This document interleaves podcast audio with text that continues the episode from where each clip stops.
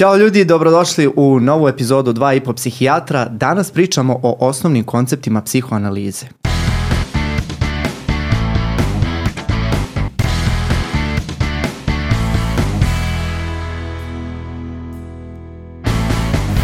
U ovoj epizodi, kao što rekao u samoj najavi, pričamo o osnovnim konceptima psihoanalize. E, danas imam e, posebnu gošću pogotovo za mene posebno, jer mi je drugarica.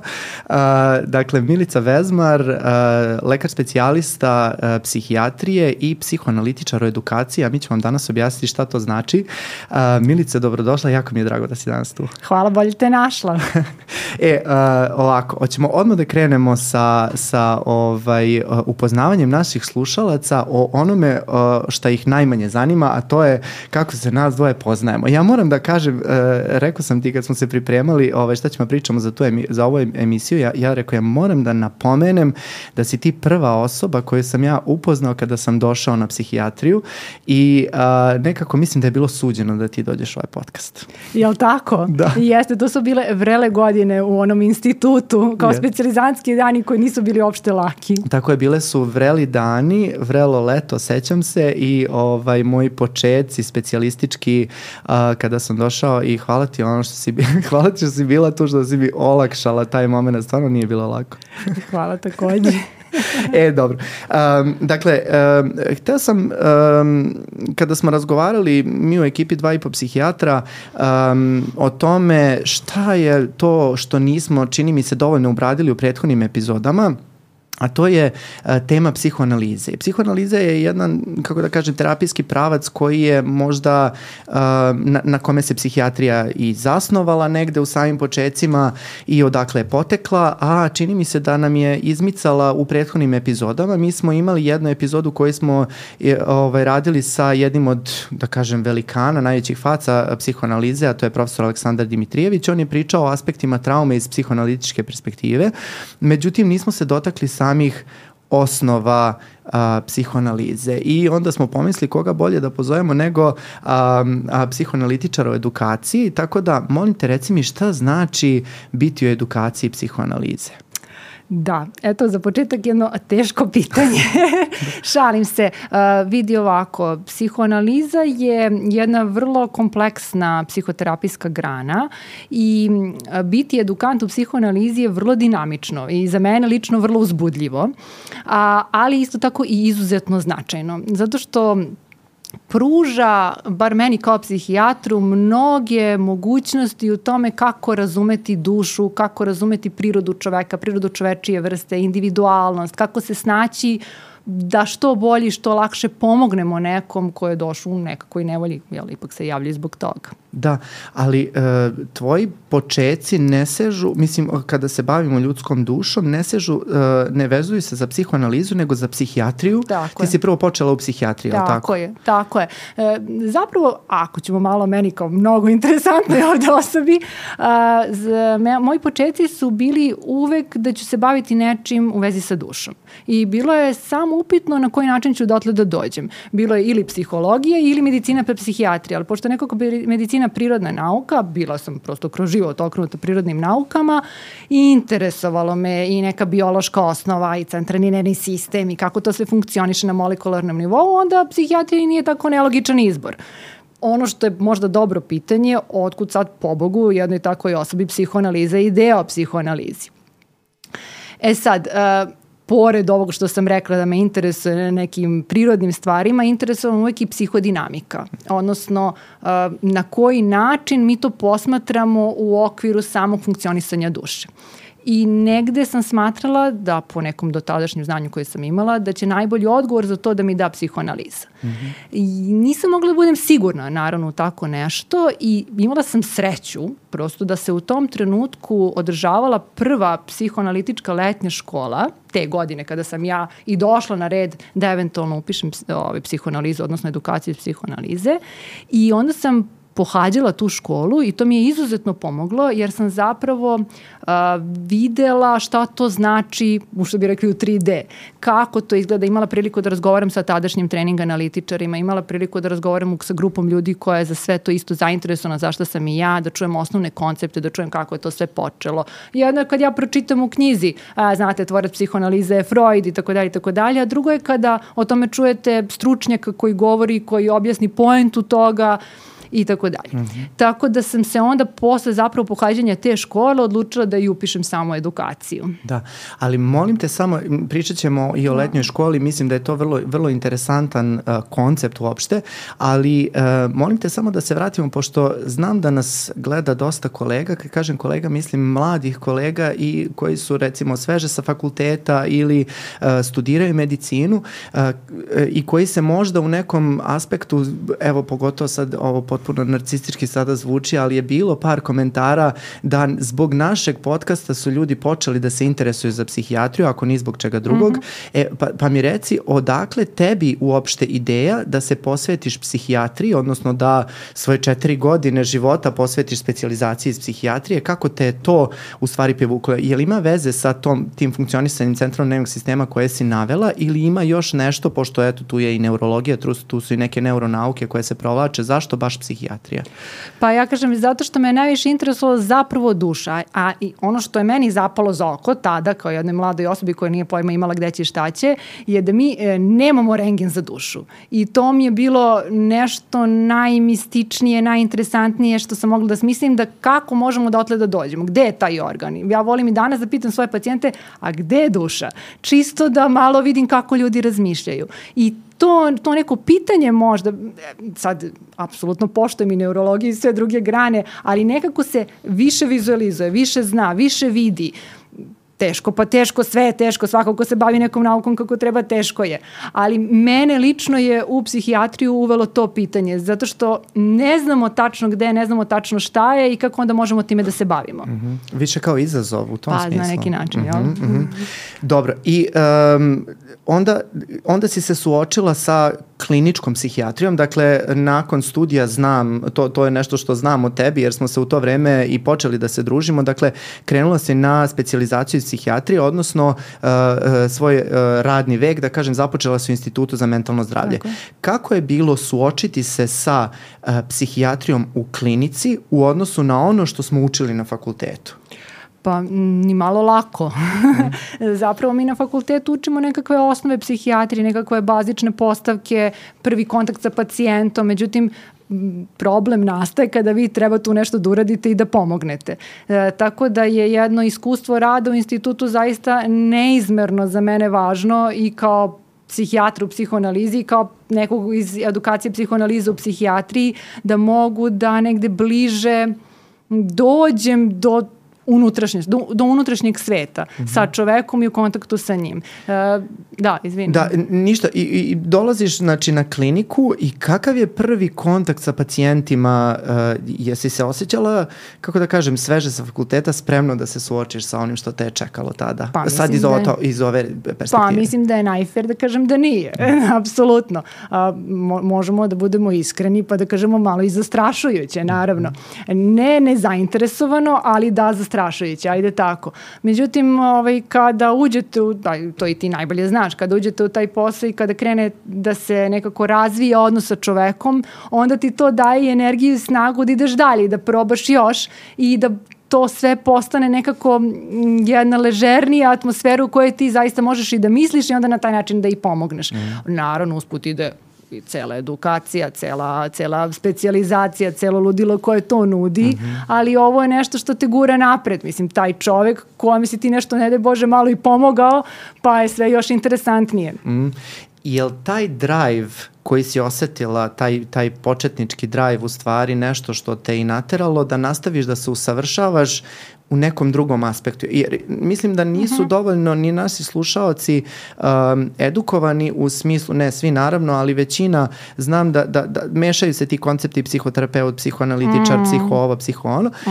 Um, mi nemamo, da kažem, zakonsku obavezu da imamo edukaciju iz neke psihoterapijske tehnike.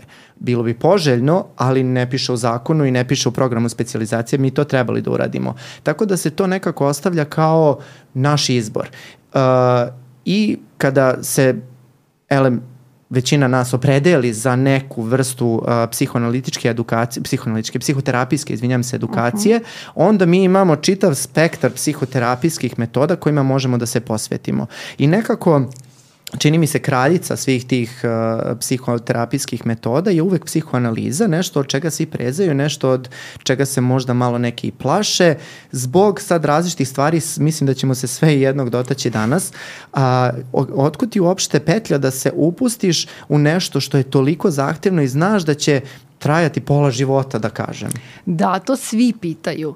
Kao, da li si ti normalna? Znaš li ti koliko to traje? Znaš li ti kako je to strašno, dugačko i teško? Neizmerno jeste. Mislim, nema šta. Baviti se psihoanalizom je i materijalno, i emotivno, i vremenski ekstremno zahtevno. Ali, mogu da potvrde sigurni kolegi iz drugih psihoterapijskih pravaca, ako govorimo o vremenskoj investiciji, da su zapravo sve te škole po prilično zahtevne i ni jedna nije laka i ni jedna nije brza, ima ono što je brzo, to je kuso. Mm. A i nekako mis, ja bar mislim da je znak lične investicije u sve ovo čemu smo pričali pokazatelji neke motivacije i želje da gradite analitički identitet i da gradite negde mogućnost analitičkog razmišljanja, odnosno pa i negde profesionalnog identiteta u širem smislu. Mm. Tako da nije loša ideja, ja bar mislim. Šta je to analitičko rezonovanje? Šta je to taj, taj analitički identitet o kojem pričaš? Na šta, na šta konkretno misliš? Pa najviše mislim na način na koji razmišljamo kada slušamo čoveka. Imaju tu različite stvari o kojima možda, možda nekom ne bi palo na pamet da razmišljamo. Recimo snovi Mislim, to je nešto što je svima skoro pa mistično. Uh, mnogi se i klijenti plaše kada dođu kod nas da mi možda nešto strašno otkrijemo od njima, ako nam slučajno kažu neki san ili ako se oni uopšte sete svog sna. Čak mnogi ljudi kažu, ja, ne, ja sanjam, ma kakvi, ja sad ničeg ne osjećam, ja nemam pojma šta je to san. I onda se, opet ima neka druga populacija ljudi koja je navikla na ove sanovnike, da se oni tako zovu, nisam nija 100% mm -hmm. sigurna. Znači, ako sanjam životinje, desit će mi nešto loše. Ako pada kiša, znači da sam tužan. Mislim, ja sad ne znam, lupam, zato što zaista ne znam kako to tačno ide ovaj, u simbolizaciji sanovnika, ali uh, u realitetu i u negde psiho psihoanalizi se tumačenje snova radi naravno potpuno drugačije i donosi nam jedan uvid u unutrašnji svet na potpuno, potpuno drugačiji način. I onda se često od toga i kreće u analitičkom radu sa ljudima. Recimo, Ako mogu da dam neki primer čisto. Molim te. Hvala na prostoru za to. Ovaj, e, baš često, a s tim će se složiti verovatno, opet kažem i druge kolege, klijenti dolaze jako uplašeni. Oni hoće da dođu, imaju želju često i imaju strah da dođu, podlažu da dođu, pa napokon kada dođu, tresu se i, i ne smeju da kažu ništa i plaše se da mi imamo, ne znam, rengenske oči recimo ili da ćemo da a, ih promenimo ili da će da postanu neko sasvim drugačiji ko možda uopšte ne žele da budu, a žele da pomognu sebi i da reše nekakav simptom ili nekakvu tegobu s kojom smo došli. I onda, ako pričamo o analitičkom identitetu koji smo malo prepomenuli, mi u stvari počinjemo i rad od toga, od tog jednog iracionalnog straha i šta on znači. I vrlo, vrlo brzo, kroz svega možda par seansi se dođe do nekakve površine priče. Iza toga najčešće stoji ili neki strogi otac, ili nekakav gubitak partnerskog odnosa, ili nekakva preživljena operacija, ili nekakvo zlostavljanje u školi. Znači, najrazličitije stvari, individualno orijentisane naravno, koje prepokriva taj iracionalni strah i onda se kreće dalje u priču. To je sad malo teže. Jel? Da, i, i ono što me zanima i što mnoge, da kažem, neverne tome eh, kada je psihoanaliza u pitanju, um, vole da postave kao pitanje, psihoanaliza se nekako bavi analizom i uh, nekako raslojava različite probleme na različite segmente gde se na kraju finalni produkt uh, cele te priče jeste jedan uvid Uvid u tvoje stanje, uvid u tvoj simptom, uvid u ono šta, šta znači tvoje ponašanje i ovo upravo što, o čemu si rekla. Dakle, iza inicijalnog straha stoji neka sad šta je trauma, šta ti ja znam, šta god hoćeš. Najrazličitije stvari. I onda se postavlja pitanje, a šta ću ja s tim? I šta kažeš ljudima? Pretpostavljam da te neko do sada pita, ok, ja sad ovo znam, a šta ja s ovim da radim? Kako mm -hmm. radiš sa sa tim stvarima? Pa najčešće zapravo je samo otkriće toga šta je ispod čoveku, klijentu, sasvim dovoljno da se osjeća dobro. Znači, kada otkrijemo uzrok tog simptoma nekog, recimo straha, uh, taj strah gubi na vrednosti. Mm -hmm. Nestaje, pružaš zadovoljstvo čoveku i čovjek od nas odlazi. Mora da postoji i kraj, pa i analize koje znam da svi kažu da može da bude beskonačna. pa, zar ne? pa, da, da, da. Dobro, ali evo kad si pomenula analizu snova, ja mislim da je to stvar koja sve ljude zanima i sigurno ono kad sediš sa drugaricama na, na piću i to neko ti dođe i kaže je znaš šta si sinoć sanjala, aj molim te opro tumači. Uh mhm. -huh. Je li to uopšte moguće?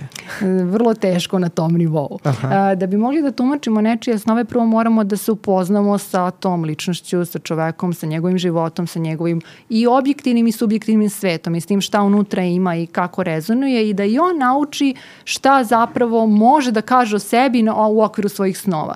Tu nam je negde izuzetno važno da se rukovodimo opet tim analitičkim čuvenim sredstvom slobodnih asocijacija, je li tako? Jer kada posmatramo snove, sad grubo rečeno, snovi imaju svoj latentni i svoj manifestni sadržaj. Ono što mi sanjamo, odnosno čega se mi sećamo da sanjamo, to je, man, e, to je manifestni sadržaj sna koji može vrlo često vrlo šašavo da zvuči.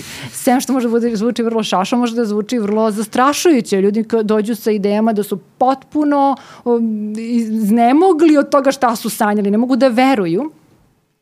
I onda ih naučimo da zapravo su to sve nekakvi, ajde da kažemo, konci od svesnog ka dole, ka nesvesnom, ka unutrašnjem, koje je potpuno zatrpano uh, i što predstavlja latentni deo sna.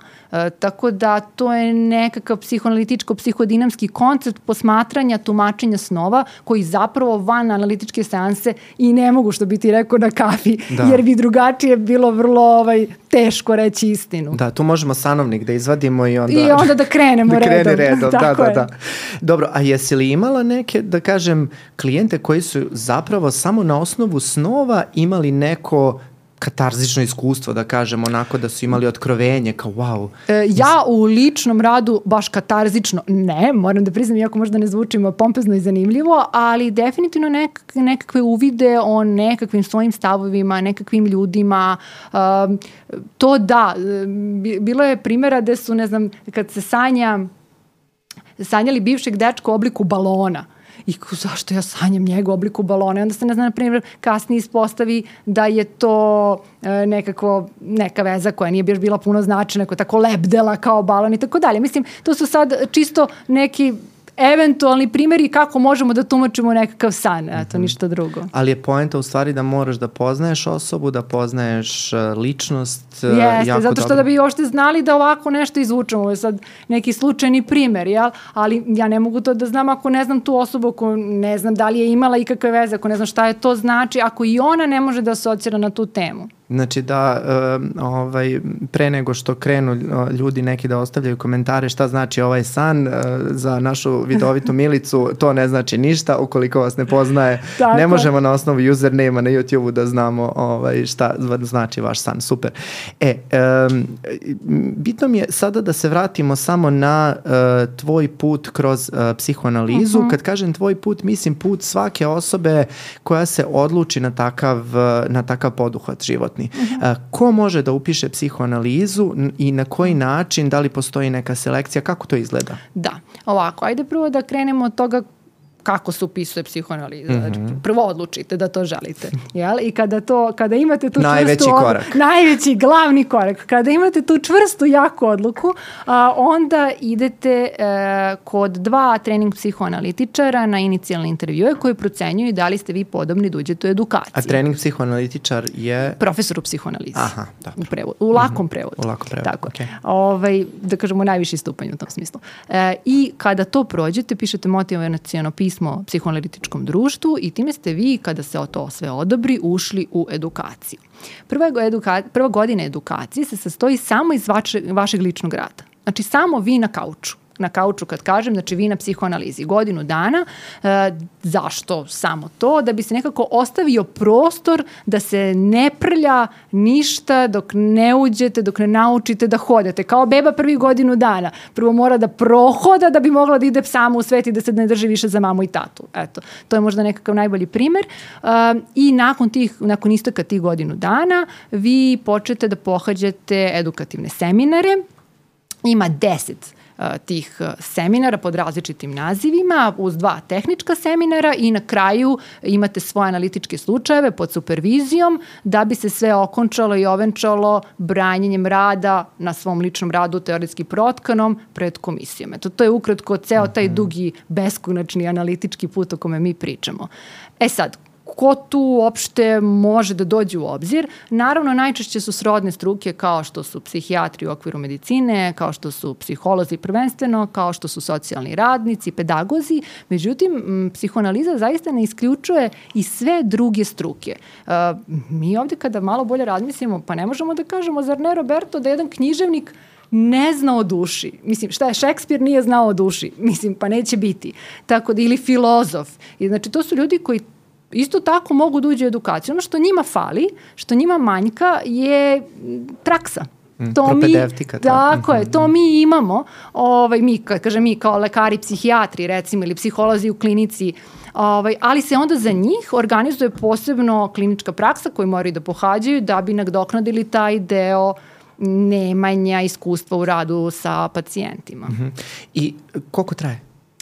Puno. Puno ne, Red veličine? Da, jedna od, jedna od e, glavnih, kako kažem, prideva koje krase psihoanalizu je da je beskonačno duga. Ali zapravo ako mi malo sračunamo, mene uvek pitaju, a na kojoj si ti godini? A, koje, a kako, kako ne znaš ti kako si, koje si godine? Nekako naše školstvo je uvek u godinama. Osnovna škola, srednja škola, faks, sve i specializacija, sve ima svoje godine. Mm. Kako po Bogu ovo nema. Međutim, nema, jer kao što sam rekla, rekla, kada završite taj lični rad od godinu dana, vi onda pohađate seminare koji su imaju nekakvo svoje trajanje kako pohađate seminare, koliko ih brzo pohađate, tako i napredujete, dolazite do vašeg ličnog rada sa klijentima i do tog završnog dela. Kad bi se čovek seo, pa nekako matematički izračunao, to bi minimum minimuma bio nekih 6 do 7 godina da se to sve završi, ali uplete se život pa to mm. bude i jače od toga. Da, ne znam ni jednog psihoanalitičara, moram priznati da je baš završio šest godina. Ne znam ni da. ja. Kao ni doktorat, kao što, što se ne završava, to već bolje znam.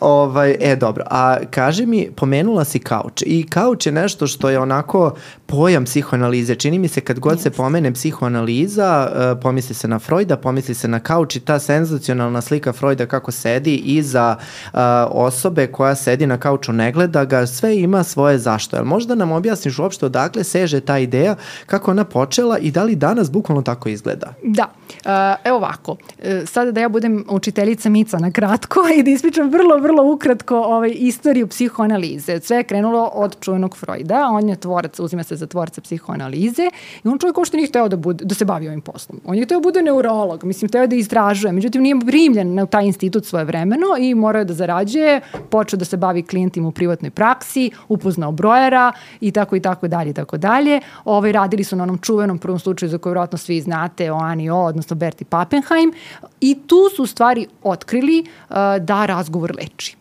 To je negde suva suština. Odnosno, otkrili su metod slobodnih asocijacija.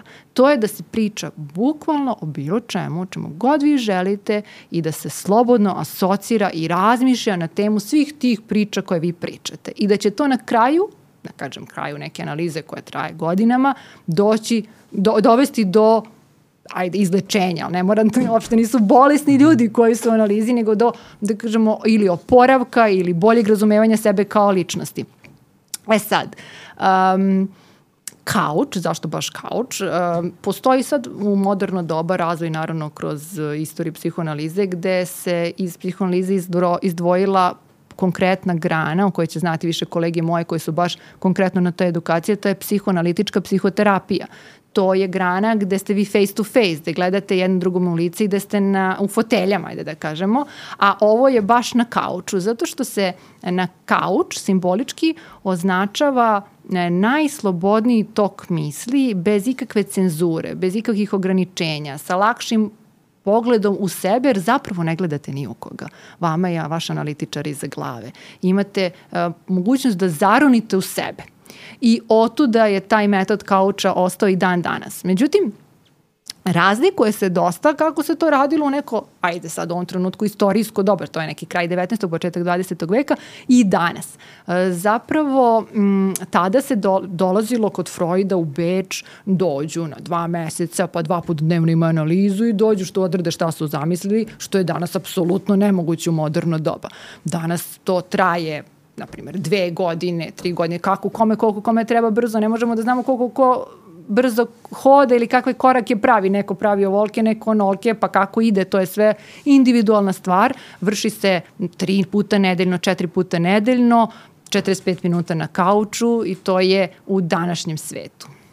I uh, kauč, bukvalno je kauč ili sad bukvalno. kao neka i fotelja? Ili... Bukvalno kauč. Bukvalno Vi bukvalno kauč. ležite, najopušteniji ste mogući, ne gledate ni u što, odnosno ne gledate ni u čiju facu, vaš uh, analitičar je iza vas i vi se opustite i krenete priču, uvek ima tema za razgovor, verujte mi. Naravno, ja verujem, apsolutno, nego uh, pričaj mi, molim te, uh, kako je tebi bilo da dođeš na svoju prvu seansu, pošto verujem da mnoge ljude zanima kako uopšte u praksi izgleda doći i leći na kauč. Ja sam konkretno išao na psihoanalitičku psihoterapiju gde sam uh, išao face to face i bilo mi je strašno neprijatno i prvi put sam pričao sam, čini mi se to već u jednoj epizodi koliko mi je bilo stresno i teško i osetio sam se kao taj klijent koji sedi preko puta tebe. Međutim, mm -hmm. uh, taj koncept da ti neko iza leđa uh, mi malo onako, kako da kaže, malo creepy. Ajde, molim te, samo mi objasni kako se osjećala u tom trenutku kad si došla prvi put. A se sećaš uopšte? Seća se kako da ne.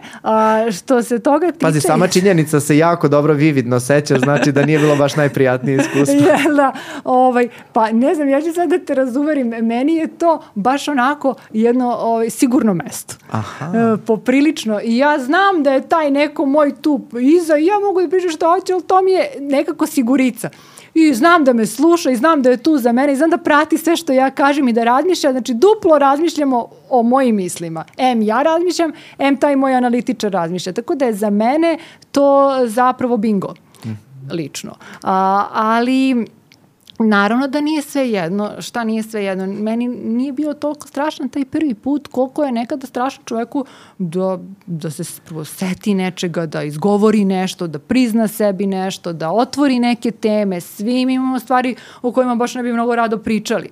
E, a tu smo nekako i došli da baš možda i pričamo o tome. Mm -hmm, mm -hmm. I mislim da čak i kad se odlučimo na korak da krenemo sa psihoterapijom, nismo ni svesni koliko nismo spremni da pričamo o nekim stvarima, bar mi se čini da... Da, da. da. E sad... Uh, Ono što je, ono što je takođe interesantno uh, kada govorimo o psihoanalizi jeste da uh, ono što čujemo od ljudi koji su išli na psihoanalizu i na neke druge terapijske metode jeste da psihoanalitičari baš mnogo ćute. Jesi čula taj komentar? Kako možda? da ne, kako da ne. Je li ima razloga za to? Pa daju ti prostor. Aha daju ti pro, mislim ne kažem da ovi drugi ljudi ne daju prostor, to je samo jedna vrsta metoda, jel? Ovaj gde ti imaš eh, prostor za sopstvene misli, možete i zajedno da ćutite, jer uvek ima o čemu se ćuti nikada to nije ćutim zato što mi je neprijatno ili zato što ne želim, mislim možda i jeste, jel? ali onda se i to može tumačiti, a možemo da ćutimo zato što nečemu razmišljamo, tako da ovaj, a, mislim da je to jedno široko polje koje nam daje mogućnost da zapravo vidimo šta sve tu možemo da nađemo. Mm. Eto, ja to tako gledam, kao jedan kao jednu mogućnost, kao jedno igralište gde ćemo mi sada da unesemo bilo koji sport koji mi želimo. Možda to nekom ne odgovara, ali zapravo nije loše.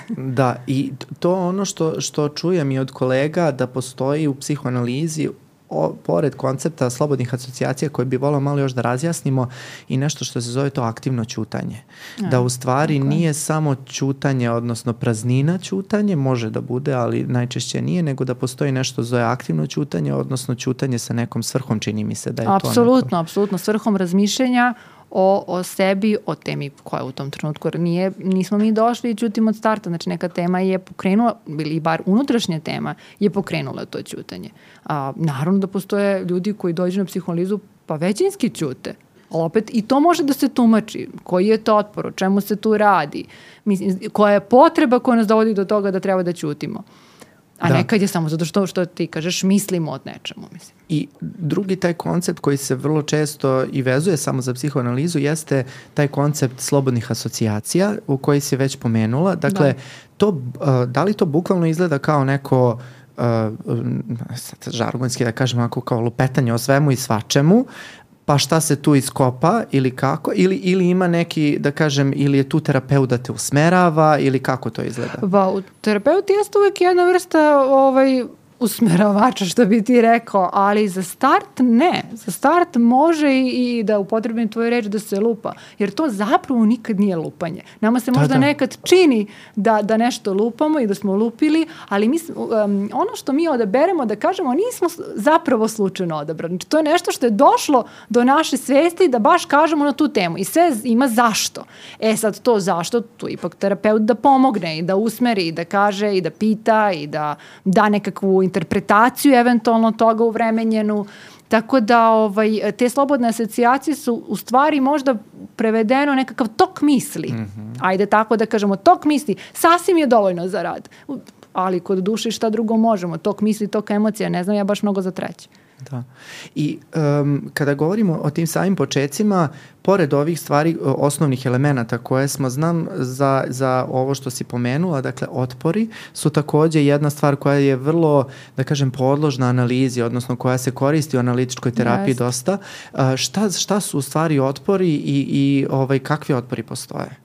Ja, to je veoma teorijsko i komplikovano pitanje. Ne mora, da, samo onako Ali nešto... ajde ovako, uopšteno što bi se reklo za ljude, um, to je jedna vrsta što, najčešće nesvesnih reakcija na nešto što nam smeta na nešto što nas žulja.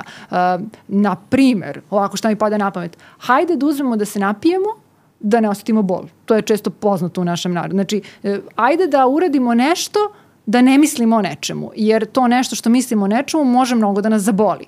I onda tu ima sijasec sad otpora, koji su nekada radnjama vidivi, nekad samo misaoni, u koje, koje mi radimo svakodnevno, a ni nemamo pojma da su to otpori.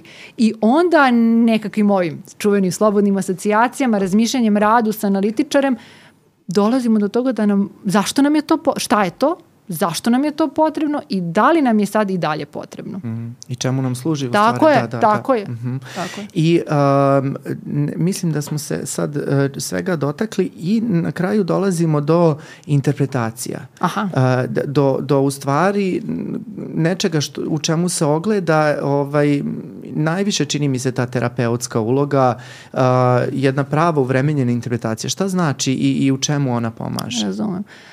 Interpretacija uh, zapravo sadržaja koje pacijent iznosi. Taj sadržaj nekada može da bude i vrlo haotičan.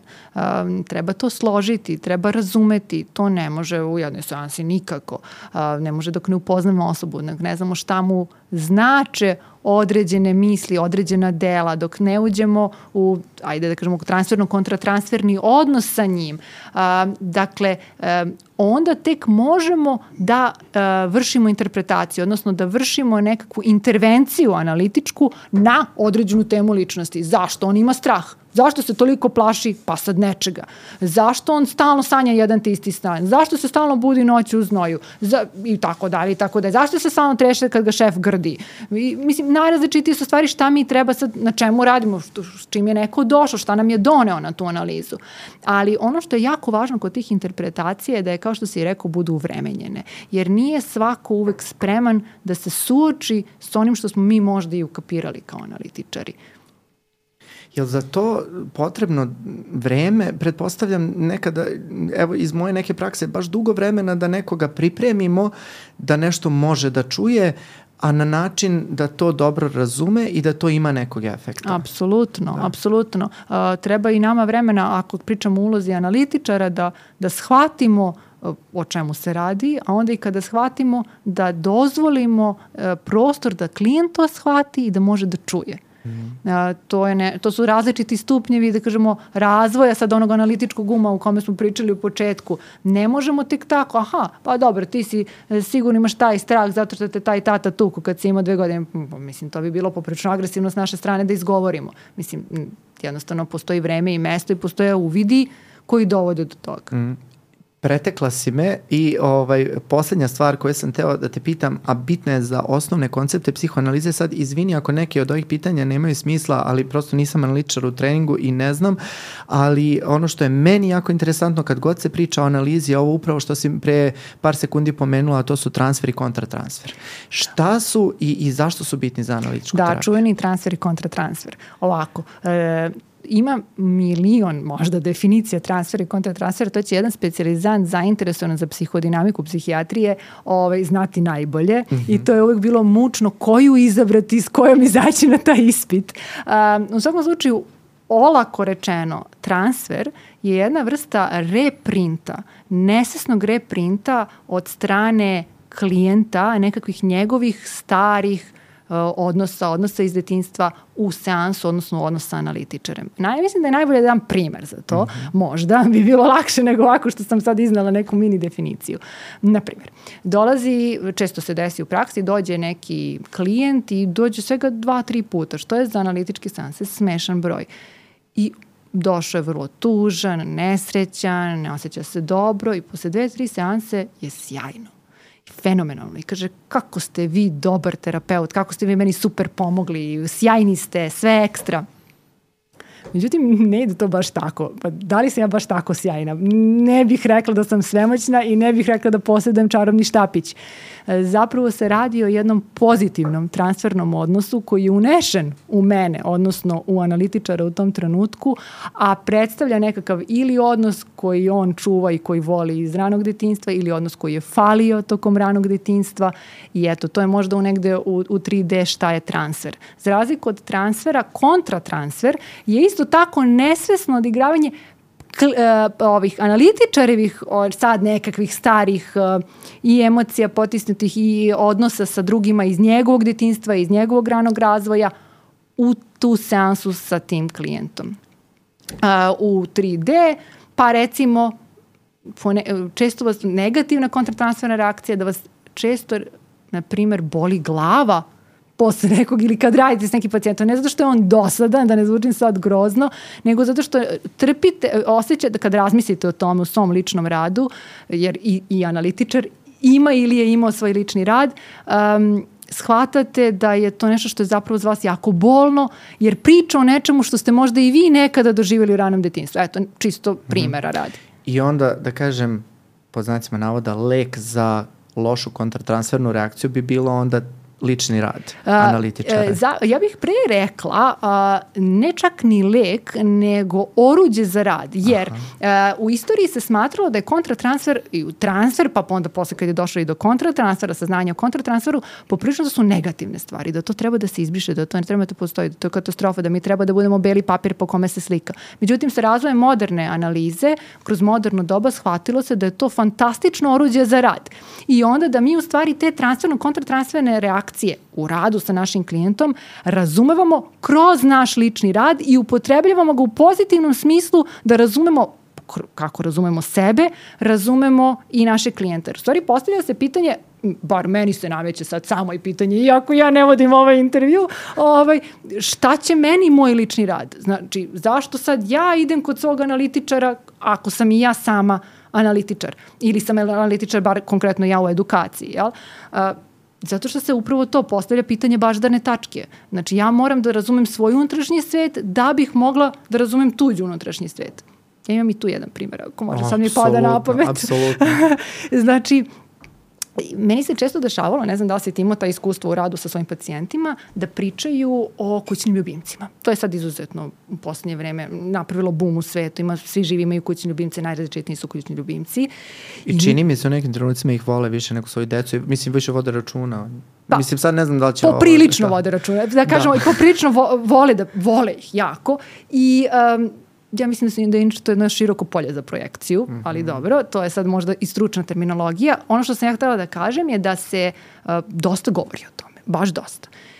Ja sam uvek nekako to nekako nepažljivo slušala, smetnula suma svaki put, nisam se da zadržavala na toj temi, nije mi bila bitna. Međutim, posle sam u svom ličnom radu sa svojim terapeutom razmišljala o tome zašto uh, toliko ljudi pričaju o tim kućnim ljubimima. Zašto je to toliko bitno? Jer sam shvatila da je ljudima de facto neverovatno važno, a meni poprilično nevažno. I onda sam radeći, radeći, to je sad trajalo naravno, uh, razumela da sam, setila sam se, da sam ja imala zeca u, kad sam bila klinka, koji je vrlo traumatično stradao, pao je sa terase i da sam ja to potisnula, da meni bilo toliko strašno i grozno, da zapravo ja nisam mogla o njemu da mislim ni da osjećam, imala sam kao slepu mrlju za sve druge ljude koji pričaju o tome, kao jednu vrstu skotoma eto recimo, dobro, to je sad možda i opet priča o transferu i kontratransferu, a možda priča o tome zašto ja idem na taj lični rad da. i zašto mi je to bitno. Ili recimo, često mi se dešavalo da ljudi koji dođu i jako im je teško i traže odmah pomoć, da ja imam neverovatnu anksioznost u sebi i neverovatnu nekako napetost da im odmah pomognem. Da, da to mora da bude sada, mora da bude odmah. Analiza traje, mislim, sva, realno ne samo analiza, sve kolege terapeuti, terapija, psihoterapija traje, to ne može da se desi u danu. Ali ja sam nekako želela da, da im što pre, da od oni već kad dođu sledeće nelje da to bude to. I onda sam u svom ličnom radu shvatila da su to moje fantazije svemoćnog lekara, pomagača, iscelivača i da to nema veze sa realitetom, da je to nešto moje kako reagujem na tuđu nesreću ili na tuđu tugu i na čemu moram ja da radim da bi mogla da budem dovoljno strpljiva, da pružim nekom dovoljno vremena, da može da, da izađemo zajedno na kraj sa tim. Da. Strava. I mene sad isto vraća na moje početke kada uh, me niko nije pripremio da ću u početku kliničkog rada zapravo imati moment da će me neki pacijenti nervirati, da će mi neki pacijenti, moram priznati stvarno biti dosadni, da će mi neki pacijenti, da ću se za neke mnogo vezati, da ću neke hteti da, pošto, jel, ko što znaš radim sa decom, da ću neke hteti da usvojim, da isklonim, da ih zaštitim, da i mislim da mi je lični rad u stvari najviše pomogao da u stvari da shvatim zašto svaku, za, čini mi se svaki tuđi problem sam imao neku ličnu refleksiju koja me gurala u smeru ka njima ili od njih, da li sam ih otpisivao, da li sam ih uh, nekako pri, hte, hteo da ih zaštitim i tako dalje. Tako da apsolutno te razumem, ovaj, a sticam prilika, znam i ovu traumatičnu priču za zeca od ranije, tako da mi je to uvek ovaj, da, fenomenalan primer.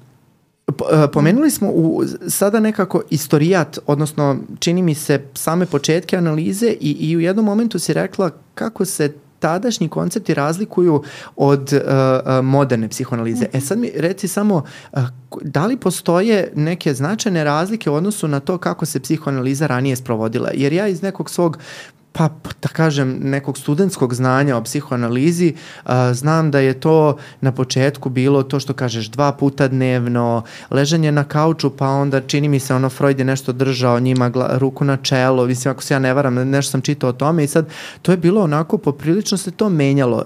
Kakva je razlika u odnosu na osnovne koncepte uh, u današnje vreme prvo Roberto 5 plus za znanje.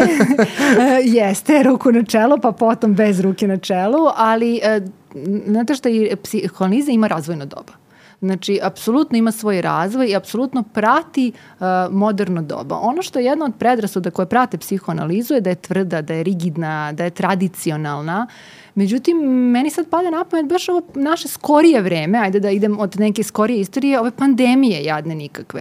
I sad kako psihoanaliza u pandemiji? Pa svi u lockdownu, pa katastrofa, pa ne može. Međutim, onda se prešlo na online rad online psihoanaliza. Meni je moj analitičar bio na mobilnom vamo iza glave. Mislim, ko bi rekao? Stvarno. Freud to sigurno nije mogao da zamisli. Tako Čekaj, je. me zezaš, stvarno ti telefon bio iza glave. Apsolutno, četiri puta nedeljno.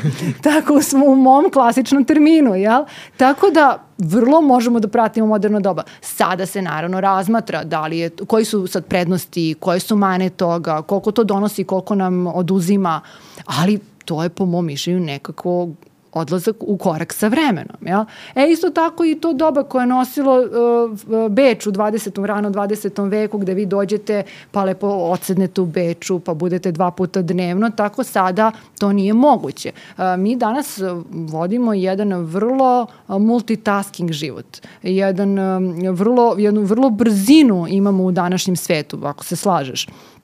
I mislim da uh, u tom brzom svetu možemo da se pitamo kako sa tako brzi svet, a tako puno na psihoterapiji. Zašto to ne može instant? Zato što ne može odmah. Uh, kako možemo? To, to su i ti moji prvenstveni porivi koje nisam u početku prepoznavala. Sem tog lakog odgovora da čarobni štapić i čarobnu kuglu nemamo, uh, ipak negde moramo da razmišljamo šta nam ovo uopšte onda donosi. Međutim, ja bih rekla da je to jedna privilegija, da u današnje tako brzo vreme mi imamo pet minuta za sebe, jer um, ono što je opasnost tako brzine, koja donosi mnogo toga, ja volim današnje vreme, ja volim brzo, meni se to sviđa, ali nekako postoji opasnost i pretnja od gubitka kontakta sa sobom, odnosno sa svojim unutrašnjim svetom, odnosno sa tim šta je sa našom dušom. I mislim da je privilegija baviti se psihoanalizom i ići na psihoanalizu u današnje doba gde vi u jednom zaštićenom prostoru, u kontinuitetu, sa jednom svojom sigurnom osobom razgovarate i bavite se sobom i svojom unutrašnjošću, a poprilično smo svuda uz polja. Da, ali čekaj Milice, znači ti stvarno hoćeš da mi kažeš da u današnje vreme ti mo, koje si opisala tako kao brzo i ja znam kako moj dan izgleda i ne mogu da zamislim, sad izvini, ali ne mogu da zamislim da nađem vremena za četiri puta nedeljno ovaj, po ne znam koliko sat vremena, jel? 45 minuta. 45 minuta Pa dobro, sad kad razmišljam možda i mogu, ali mislim to bi baš moralo da bude jedan veliki, jedna velika posvećenost tome i to mogu da razume. Znači, da li ima sad stvarno mnogo ljudi koji se odluče za, za, za to da legnu na kauč? Koliko je sad to uopšte zastupljeno? Šta da ti kažem, motivacija je čudo. Da. Uh, da, ima, verovao ili ne. Uh, sad pazi, uh, postoji mnogo psihoterapijskih pravaca i svaki, po mom mišljenju, psihoterapijski pravac ima svoju oblast delovanja i svoju svrhu svrhu postojanja i apsolutno vredi. Ja mislim da je najbolje ostaviti na klijentu šta je to zapravo ono što njemu prija. Da li je kauč ili je fotelja i nešto sasvim treće. Ovaj, e, to je njegov izbor. Najčešće ljudi kad odlaze na psihoterapiju, bar ja mislim, nemaju pojma gde su došli, što ti kažeš, ne znaju oni baš veliku razliku, da li je neko psihoanalitičar, psihoanalitički psihoterapeut, da li je geštal, da li je HBT. U principu, sem nas neki koji smo u toj struci, ljudi ne znaju nego idu tamo da im nešto prija, da im nešto odgovara. I ima masa ljudi koji kad pronađu zapravo terapeuta i taj neki njegov način rada koji im odgovara, ne menjaju to. Tako da ovaj, ja bih to poštovala. Koje god da je to zapravo psihoterapijska grana za nas koji znamo nešto o tome ili je kauč, ja lično kažem volim kauč, daje mi smira i daje mogućnost tog analitičkog rada, to je tih slobodnih asociranja, e, na, ta, teorijski rečeno najdubljeg ulaska u dubinu duše ali to ne znači da ni ove druge ove škole nemaju svoju poentu, apsolutno. I 45 minuta pa 45 minuta je seans. Kako ćete vi nju da utrošite i šta to vama zapravo prija, postavljam na vama, zar ne? Mm. I um, sviđa mi se to što si pomenula da je to izbor osobe koja se odluči i mislim da možemo ovde da poentiramo time da je u stvari ono što je poznato u psihijatriji od, od kad je, mislim, psihijatrija postala, jeste da u stvari odnos je taj koji leči. Apsolutno. Da. Apsolutno. Mi nekako, kada opet posmatramo malo istorijski, uh, ceo taj razvoj, e, se vratim na ono pitanje o istoriji, sad imam ja asocijaciju, mm -hmm. jel? Um, mnogi će da kažu pa psihoanaliza je prvenac, ali meni nekako to pomalo nije fair. Jeste ona prvo nastala, jeste Freud konceptualizovao to, jeste dao anatomiju duše, tumačenje snova, dao objašnjenje nagona, objašnjenje nesvesnog, pa to je jedno od najvećih otkrića koje mi imamo, zar ne, u psihoanalizi. Međutim, svi ti e, njegovi sledbenici, ljudi vrlo pametni koji su sedeli i učili sa njim, e, su stvorili posle te sve svoje škole. Znači, mi imamo mnogi psihoterapijske škole, mi imamo, ne znam, Ekermana, porodična, Rajh, telesna, Moreno, psihodrama, nije ni važno sad da ih ne nabrajamo sve. E, ne mogu da kažem da su oni proistekli sad svi iz psihoanalize. Meni to nije okej okay da se kaže.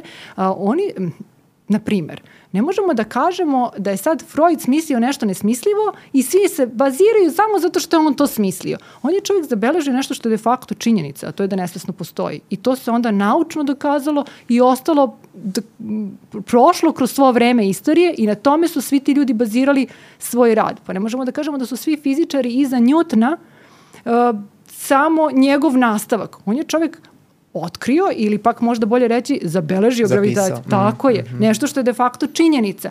I onda na osnovu te činjenice idemo dalje razgradnju cele nauke koja je zvana fizika. Eto, tako bih možda nekako i ja posmatrala na ovo naše. Pa onda i na to šta je naš izbor. Mislim, postoje nekakve stvari koje su takve kakve jesu i koje mi znamo o duši i koje pratimo. Na koji način i kroz koje aspekte I uh, sviđa mi se što si pomenula uopšte nesvesno. Čini Mhm. mi se da se danas u, uh, i u pop kulturi i generalno dosta koristi. Ali ne znam da li su ljudi uopšte svesni šta nesvesno znači i jel bi moglo uopšte samo da nam kratko, što ti kažeš 3D, a, a, objasniš šta bi u stvari to nesvesno obuhvatalo? Da, a, pa ovako, mi, smo, mi imamo um naš i mi nekako znamo samo ono što znamo, samo ono što mislimo, samo ono što nam dolazi do glave. I upravo je to jedno od velikih naših stručnih otkrića da se negde stvori anatomija duše. Kao što imamo anatomiju na medicini, pa svaki organ ima svoju anatomiju, a organ duše, cvrc, problem. I onda se to podelilo na s- na jednoj, u jednoj teoriji na svesno i nesvesno, odnosno svesno, svesno precesno i nesvesno i na recimo i ego i superego. I onda sada a, to su nekakve, da kažemo, nivoji do kojih možemo mi da dosegnemo svojim mislima. Mi samo možemo da, vid, da vidimo, da znamo, da smislimo svesno. To je jedna trećina. Ostale dve trećine je sve nešto ispod različiti nekakvi dinamski procesi, um, dešavanja, koje mi nemamo pojma. A, njihove posledice su i ovi otpori o kojima smo pričali, snovi, snove su po Freudu, kraljevski put u nesvesno. Znači, to je sve nešto što se nadograđuje i koje mi preko analitičkih razmišljanja pipkamo malo i razumevamo. Mm. Eto, tako nekako. I tu se negde čini mi se stvara intriga oko psihoanalize jer je to jedna od redkih psihoterapijskih metoda koja zapravo zalazi, možda čak i jedina koja zalazi tako da kažeš to što kažeš pipkamo nesvesno i malo tu čeprkamo po nesvesno. Jeste, može da zvuči, misliš, vrlo mistifikovano. Pa to, to, stvara se taj uh, senzacionalizam oko psihoanalize, Apsolutno. zašto je to, i, i čini mi se da se zbog toga ljudi plaše, uh Mhm. -huh. ali s druge strane opet je i vrlo intrigantno, pa bi mnogi želeli to malo i da istraže i tako dalje. Tako da, Pa da, ja bih uh, volela da apelujem ovim putem da nema straha, jer nesvesno de facto postoji. Svi ga imamo. Ajde da vidimo da li nešto smeta, ajde da ga bolje razumemo, daj da pomognemo ovom svesnom da bolje živimo. Ima svašta u današnjem svetu, pa da možda nama bude malo lakše. Znači da uh, kažem da negde nema straha.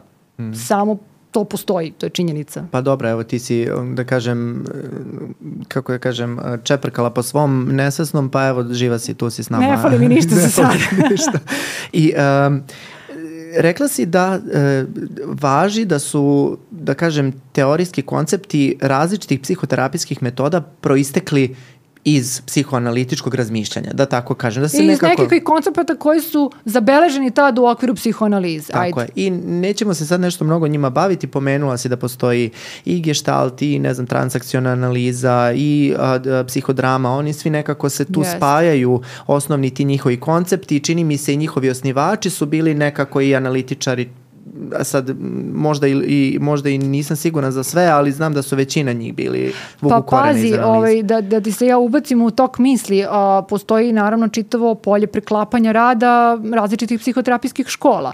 Na po svetskoj psihoanalitičkoj listi, na sajtu, zvanično, postoje grane koje su sad zvanično deo psihoanalitičke škole. Ne znam, grupna analitička terapija, dečja adolescentna psihoanalitička terapija, psihoanalitička par, terapija parova, recimo, psihoanalitička psihoterapija. To su sad konkretni ogranci, ali pošto postoji i porodična psihoterapija, eto ti ga mesto preklapanja, znači to je nešto što je prirodno moralo da se desi, što je potpuno u redu da se desi, što možda i daje jednu lepotu diverziteta. Mm. I upravo si me pretekla, to sam teo i da te pitam, dakle, te, znači postoje neke terapijske tehnike koje su upravo e, se razgranale iz same psihoanalize, kao što recimo mnogo interesantna meni uh, grupna ovaj, analitička Apsolutno. terapija. I, uh, i možeš li, e, evo, be, znam da nisi grupni terapeut, ali da mi kažeš koja je razlika, koje su prednosti i mane ukoliko neko se razmišlja u tome, u tom smeru da li želi da ide na individualnu svoju terapiju ili na grupnu terapiju? E, to je ovaj deo koji sam rekla da bih ostavila samom klijentu, taj nekakav matching između klijenta i terapeuta ili klijenta i grupe u koju, koju vodi terapeut je nekako možda najbolje ostaviti za lični senzibilitet. Grupna analitička terapija sama po sebi je po mom mišljenju super zanimljiva stvar. Više očiju, više vide, mm -hmm. zar ne? I kada vidimo svet oko sebe, kada naučimo da budemo sposobni da čujemo i lepo i ružno oko nas, a inače živimo u jednoj ogromnoj grupi na ovoj planeti, možda ćemo se i lakše kretati, tako da to je jedan thumbs up za mm. grupnu analizu svakako. I da li se isti koncepti u smislu ovih što smo pričali, dakle otpor i slobodne asocijacije i sve ostalo primenjuje i u grupi? Da. Da. Apsolutno ne mogu, e, teško mi je čak i to da Oni zamislim. imaju i svoje dodatne, naravno, da kažemo, edukacijske norme i sad razne stvari koje tu ulaze u priču, o tome bi kolegi iz grupne analize sigurno mnogo bolje od mene umeli da objasne šta i kako, ali sve što se dešava između dve osobe može da se dešava i između više osoba, jel? Mm. Samo je dinamika malo drugačija. I evo sad motivisali smo bar jedno 20 ljudi da krene na svoju analitičku. Idemo. Da, ja sam, eto, to je, to je neki o, o, broj koji sam ja smislio u glavi da sigurno je 20 ljudi dobilo sad neku ideju da će krenuti na svoju analizu. Reci mi, kada ti dođe čovek prvi put na analizu, ti radiš i sa svojim klijentima, je li tako? Da. Šta su inicijalne zabrinutosti? Šta je, šta je ono što ih najviše brine kada tek dođu? Kada tek dođu... Šta ćeš mi Milice uraditi sad? Da, lobotomija. Nije. Panika, pa, pa vrlo često je prisutna panika, strah, strepnja, ovo što smo pomenuli, nešto možda mistično. Da li sam ja možda ipak malo neki vrač? ili nisam, ili će tu nešto da zaboli, ili će možda, možda da mi pomogne i kako ćemo to sve pobogu da uradimo. I da li će to da se desi i neće, i da li sam ja strašna ili sam nikakva. To su najrazličitije dijapazon emocija koje vam donose ljudi koji dolaze ispred vas. Ono što je najvažnije je biti slobodan i osloboditi ih da o tome govore. Mm -hmm. Jer tu već ulazimo u vode da kažemo raspršivanja iracionalnog, koje de facto jeste to, i ulaska u njihovo individualno, u njihovo unutrašnje što nam je cilj. Šta im kažeš kada, kada te pitaju, dobro, uh, Milice, šta će meni biti posle ove terapije? Da li ću se ja bolje osjećati? Kako ćeš ti meni tu pomoći? Šta im kažeš? Da, pa uh, pravo da ti kažem, vrlo teško dajem odgovor na to, jer ja zapravo ne znam kad meni neko dođe kako će to sve da izgleda. Zaista, nemam pojma. Samo znam da sam tu, da sam zainteresovana i da je on došao sa istim takvim zainteresovanim razlogom da bude tu. I da ćemo se zajedno potruditi. Uh, ne mogu da znam, ne može ni on da zna, to i njima kažem, uh, koliko ćemo brzo da trčimo kad ne znam kako hodamo. Ajmo prvo da napravimo jedan korak, ajmo napravimo dva koraka, ajmo da vidimo da idemo u krug. Znači da, da odemo na neke prve seanse kroz prve trenutke upoznavanja da bi videli i gde škripi, gde ne škripi, gde boli i gde ne boli i o čemu želimo da pričamo, ne želimo, odnosno klijent šta želi, šta ne želi. Ali ti se dešava nekada da neko dođe i, ka, i da onda pomisliš da, da nije ovaj čovek za analizu ili žena i da prosto u nekom trenutku bi tre, zahtevao neki drugi modalitet lečenja? A, pa pravo da ti kažem, pomislim. Uvek pomislim, pomislim, ali nekada to i koristim u svom radu, zato što neka mi ne budu ni simpatični ili mi bude teško ili mi bude mnogo tužno, ali to ono o čemu smo malo pre pričali, znači to je nekakav moj odnos prema tom čoveku, nečemu što on nosi, tako da to treba zapravo ne da odbacujem, nego da iskoristim u mom radu. Mm. Uh, ja, ja bar tako mislim. E sad, uh, tu je i moment tog matchinga. Jako je važno da ja vama odgovaram, a i vi meni. Ne može, ako ja njemu ne odgovaram ili ako ja ne mogu sa njim da radim, džaba cela priča. Tako da je najvažnije da, se, da to prvo klikne, ključ u bravu da uđe, a onda ćemo da krenemo dalje. I jel se to onda pošteno i kaže? Apsolutno. Ja, ja mislim da je ta moj lični način rade da se kaže pošteno. Mm -hmm. Kao što je pošteno da se kaže da e, boli kada ne znamo, ali moramo da izdržimo to da ne znamo. Izdrži, probat ćemo da izdržimo zajedno. Ovo što si me ti pitao, kako sad, hoće li mi biti bolje? A, kad će da mi bude bolje? Ja moram, ja bar lično moram da kažem da ja to ne znam. I negde da moramo da izdržimo to što ne znamo dok ne dođemo do trenutka da možda nešto i saznamo i poboljšamo. I sad moram te pa pitam, kada, evo jedna kontraverzna tema u psihoanalizi, wow. a volimo time da se bavimo u ovom podcastu, uh, nekako psihoanaliza isključuje primenu farmakoterapije, mm. odnosno lekova, bar mi se tako čini po da. nekim da. knjigama koje sam ja čitao. Međutim, znam i dosta psihoanalitičara koji rade u kliničkoj praksi i vrlo propisuju, Tako. da kažem, lekove u čemu, gde je veza tu? Da, uh, lekovi se propisuju, se ću malo možda da, da budem dosadna, od strane psihijatara. Znači, neko ko je psihoanalitičara, ko je psiholog, neće propisivati lekove. Psihijatar će nekada proceni da da lek. Ja sam psihijatar po struci, ja baratam sa lekovima. Međutim, tu sad pitanje preklapanja. Koliko sam ja sad to psihoanalitičara, koliko sam ja to sad psihijatara? Da li treba da dam lek, da li neću da dam lek? Da li sam dobra ako dam lek, da li sam loša ako dam lek i tako dalje? Da li ja dobro radim ili zapravo vrlo loše svoj posao ako u analitičkoj seansi si nekom planetičkom pacijentu prepisujem i nudim lek. Uh, međutim, po mom mišljenju, odgovor je sledeći. Um, ukoliko, je, ukoliko je procena takva da je lek potreban, potreban je samo kod mene da bi se smirili simptomi onoliko da može da se misli. Da se malo smirimo, da malo utihnemo nekako, tu su često vrlo uh, uzburkani somatski simptom, fizički, nije mu dobro, e, jako je tužan, ne može da prestane da plače, jako je uznemiren onda damo lek, onda lek to na nekom hemijskom molekularnom nivou smiri, uh, umanji te tegobe i omogući nam prostor za rad. Znači moramo da ugasimo, ugasimo požar da bi mogli da renoviramo stan. Eto, tako da uh, korišćenje lekova nikako nije zabranjeno ukoliko ste edukovani naravno da ih koristite, a analitičar kao psihoanalitičar nema u okviru svog domena da ih koristi. Dobro si ti to sve pročitao, ali psihijatar ima. Tako da kod mene jedna kombinacija ta dva identiteta čini jednu, jedan miks koji sam ja. I vrlo interesantno, evo sad ti si analitičar eh, koji radi u kliničkoj praksi, eh, koliko ti je analiza pomogla ili odmogla u radu u ambulanti za koji mi znamo da je to jedan, kako da kažem, ne, mnogi bi rekli rad u rudniku ili Absolutno. onako dosta jedan zahtevan i fizički i psihički rad sa jednom uh, velikim brojem pacijenata, sa malim prostorom za neku, um, da kažem, psihointer, psihoterapijsku intervenciju. Kako to izgleda Absolutno. u tvojoj praksi? Jel ti pomaže ili ti odmaže? Apsolutno. Naš rad, svako koji ole dotako naš rad i kolegi će se složiti da to jeste jedna, jedna traka i koja često u današnje vrede je sve brže i brže ide.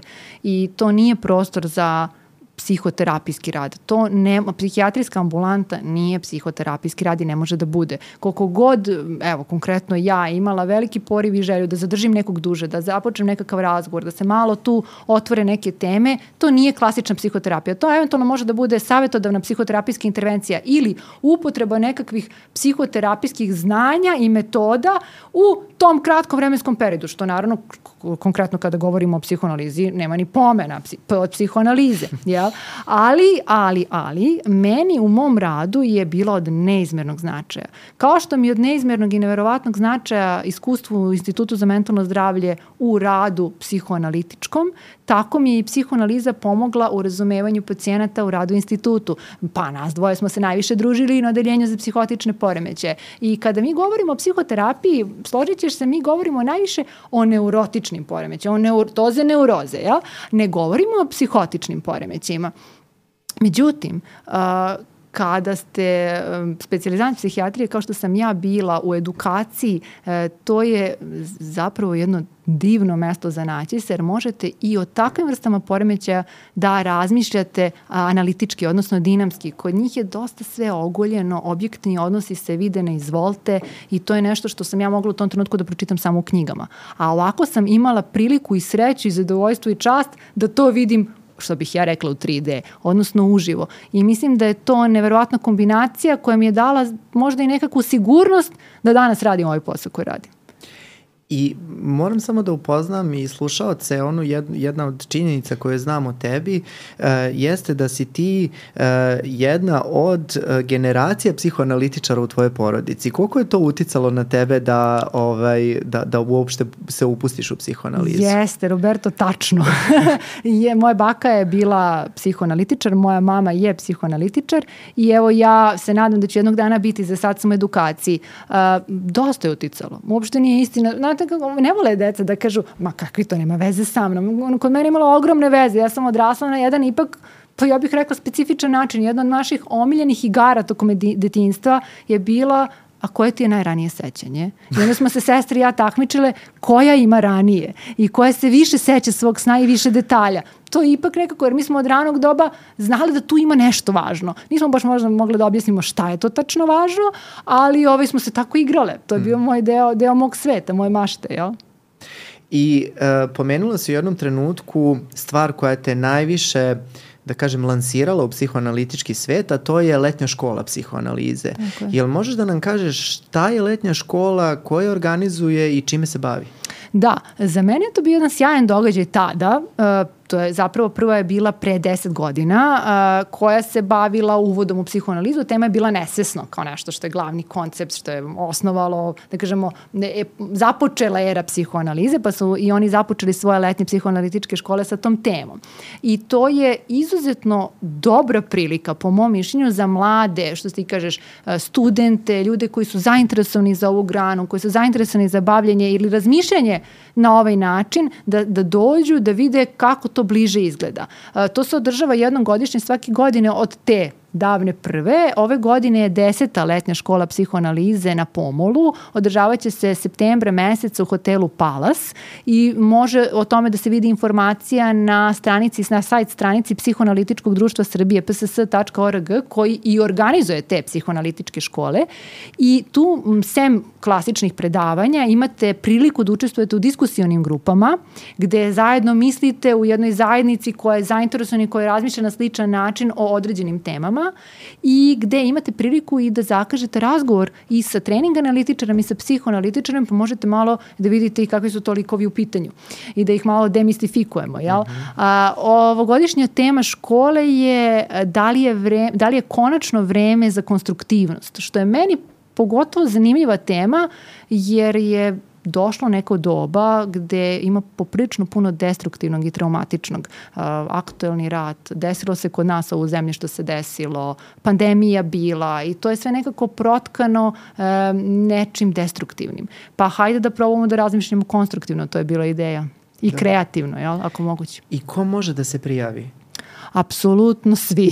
Stvarno. apsolutno svi, a nekako mislim da bi ovako iz mog ličnog iskustva najinteresantnije bilo za ljude koji su ili mladi zainteresovani da se bave ovom vrstom nauke i sličnim naukama, specializanti psihijatrije za njih je bombonica, psiholozi, studenti ovih svih grana koje smo pomenuli, možda i neki koji tek treba da upišu, tako da ovaj, i naravno naše kolege koje se već tim bave, pa da na nekom možda i višem nivou malo prodiskutujemo. I koliko traje? A, to je tri dana. Tri dana traje. U hotelu Palas. Uh mhm. -huh. I znači, sviđa mi se uopšte taj koncept vaš da nije onako ex katedra jedan koncept, nego uh, imate i tu interaktivno, ima i mogućnost da se porazgovara sa trening analitičima sa koje ja znam da su onako, kako da kažem, kao um, u svetu medicine, ono neki hodajući uh, profesori, znaš, onako yeah. da je vrlo nepristupačni, čini mi se, u nego, i onda kad mi kažeš to kao može da se zakaže malo da se porazgovara s njima, mislim da je bilo, da, je sjajna yes, prilika. Sjajna da se prilika. malo vide i ti ljudi kakvi su u ličnom razgovoru, što pa da, da ne. Pa da, da, da, što da ne, možda i da dovedemo ovde malo da pričaju ovaj, u dva i Ja mislim da bi to bilo baš lepo. da. I ovaj, evo, nekako bližimo se kraju mm -hmm. same epizode, mm -hmm. ja bih voleo samo da te pitam, pošto to pitam svakoga, mm -hmm vrlo nepripremljeno, a, da li ovaj, imaš a, neku, da kažem, preporuku za, prvo, a, ukoliko neko razmišlja da ode na analizu, šta bi mu rekla? Samo napred. Samo napred. Dobro. Odličan, odličan, vrlo kratko ovaj, i lepo. I kaži mi, da li imaš neku preporuku koliko se neko interesuje za temu psihoanalize, bilo za početke ili modernu psihoanalizu ili šta god o čemu smo danas pričali, u smislu nekih knjiga, eh, filmova, da. serija, nešto što je tebi bilo interesantno, a smatraš da bi možda bilo korisno nekome ko da nas sluša? Pazi, e, danas je prepun svet e, filmova na temu psihoterapije, mislim i na temu psihoanalize i mislim da je to jedno tako široko polje, jedan od mojih omiljenih filmova je As Good As It Gets, a, koji govori o raznim stvarima o kojim smo, smo mi danas pričali, ali mislim da je mnogo šire polje od ovog jednog filma koji sam ja pomenula. Što se tiče književnosti, e, sve te knjige koje zvuče kao deo praistorije napisane od strane Freuda, na primjer Studio Histeriji, su zapravo odlično početno tkivo. Mislim, e, tkivo, ja se izvinjam, štivo. štivo, da, da, da. Toliko o moje medicini. Divno, diva. Dobro, lapsus, nesvesno, ajde, ima Nes, i toga. Evo ga, evo ga, evo dolazimo ga do nesvesno. Da. Evo ga nije otkuda, da. Tako da, a, šta sam tela da kažem, studio histeriji ili recimo čovek vuk, znači to su nekakve, um, to su kamenje temeljice o svemu. Ne mogu ja da preporučim nekom sad uh, tumačenje snova da čita od Freuda dva toma. Mislim, to je van pameti. A isto tako ima ljudi koji se danas u moderno doba bave psihoanalizom, pa baš će na letnjoj školi da izađe e, savremena psihoanaliza koja predstavlja jedan zbornik radova, to je recimo interesantno, po mom mišljenju, bar ono što sam ja negde o tome videla da, šta će da se drži, jer se govori u širem smislu i spektru o nagonima, koji su stara stvar, ali eto neki novi pogledi, koji govori o objektnim odnosima, koji ipak nadgradnja cele priče i koja govori o tome da se razvoj ne završava pubertetom, nego da traje ceo život, što i nama omogućava da radimo ovaj posao. Jel ti učestvuješ ove godine? E, ne, samo sam pasivni slušalac. Aha, dobro, dobro, dobro, super. A, ništa, znači ukoliko neko želi da se prijavi, a, e, može sve informacije da nađe na sajtu a, Psihoanalitičkog društva Srbije, ako sam dobro razumela. I ovaj, može da, da vas kontaktira tamo, Apsolutno. pretpostavljam. Odlično, super. Ništa, a, e, Milice, mnogo ti hvala a, e, što si bila danas, bila si vrlo inspirativna u svom govoru. Ovaj, jako mi je drago da si došla i da smo nekako ove kovečili ovo naše prijateljstvo i ovim učešćem tvojim u podcastu. Hvala tebi na pozivu, divno iskustvo. Da. Uh, ništa, uh, doveli smo i do kraja i ovu epizodu. Uh, vidimo se već sledeće nedelje sa nekim novim temama. Uh, ukoliko vam se svide ovaj današnji razgovor, molimo vas da uh, lajkujete i napišete obavezno komentar šta mislite o današnjoj epizodi, šta mislite o psihoanalizi današnje gošći i do, de, do sledećeg druženja vidimo se. Ćao!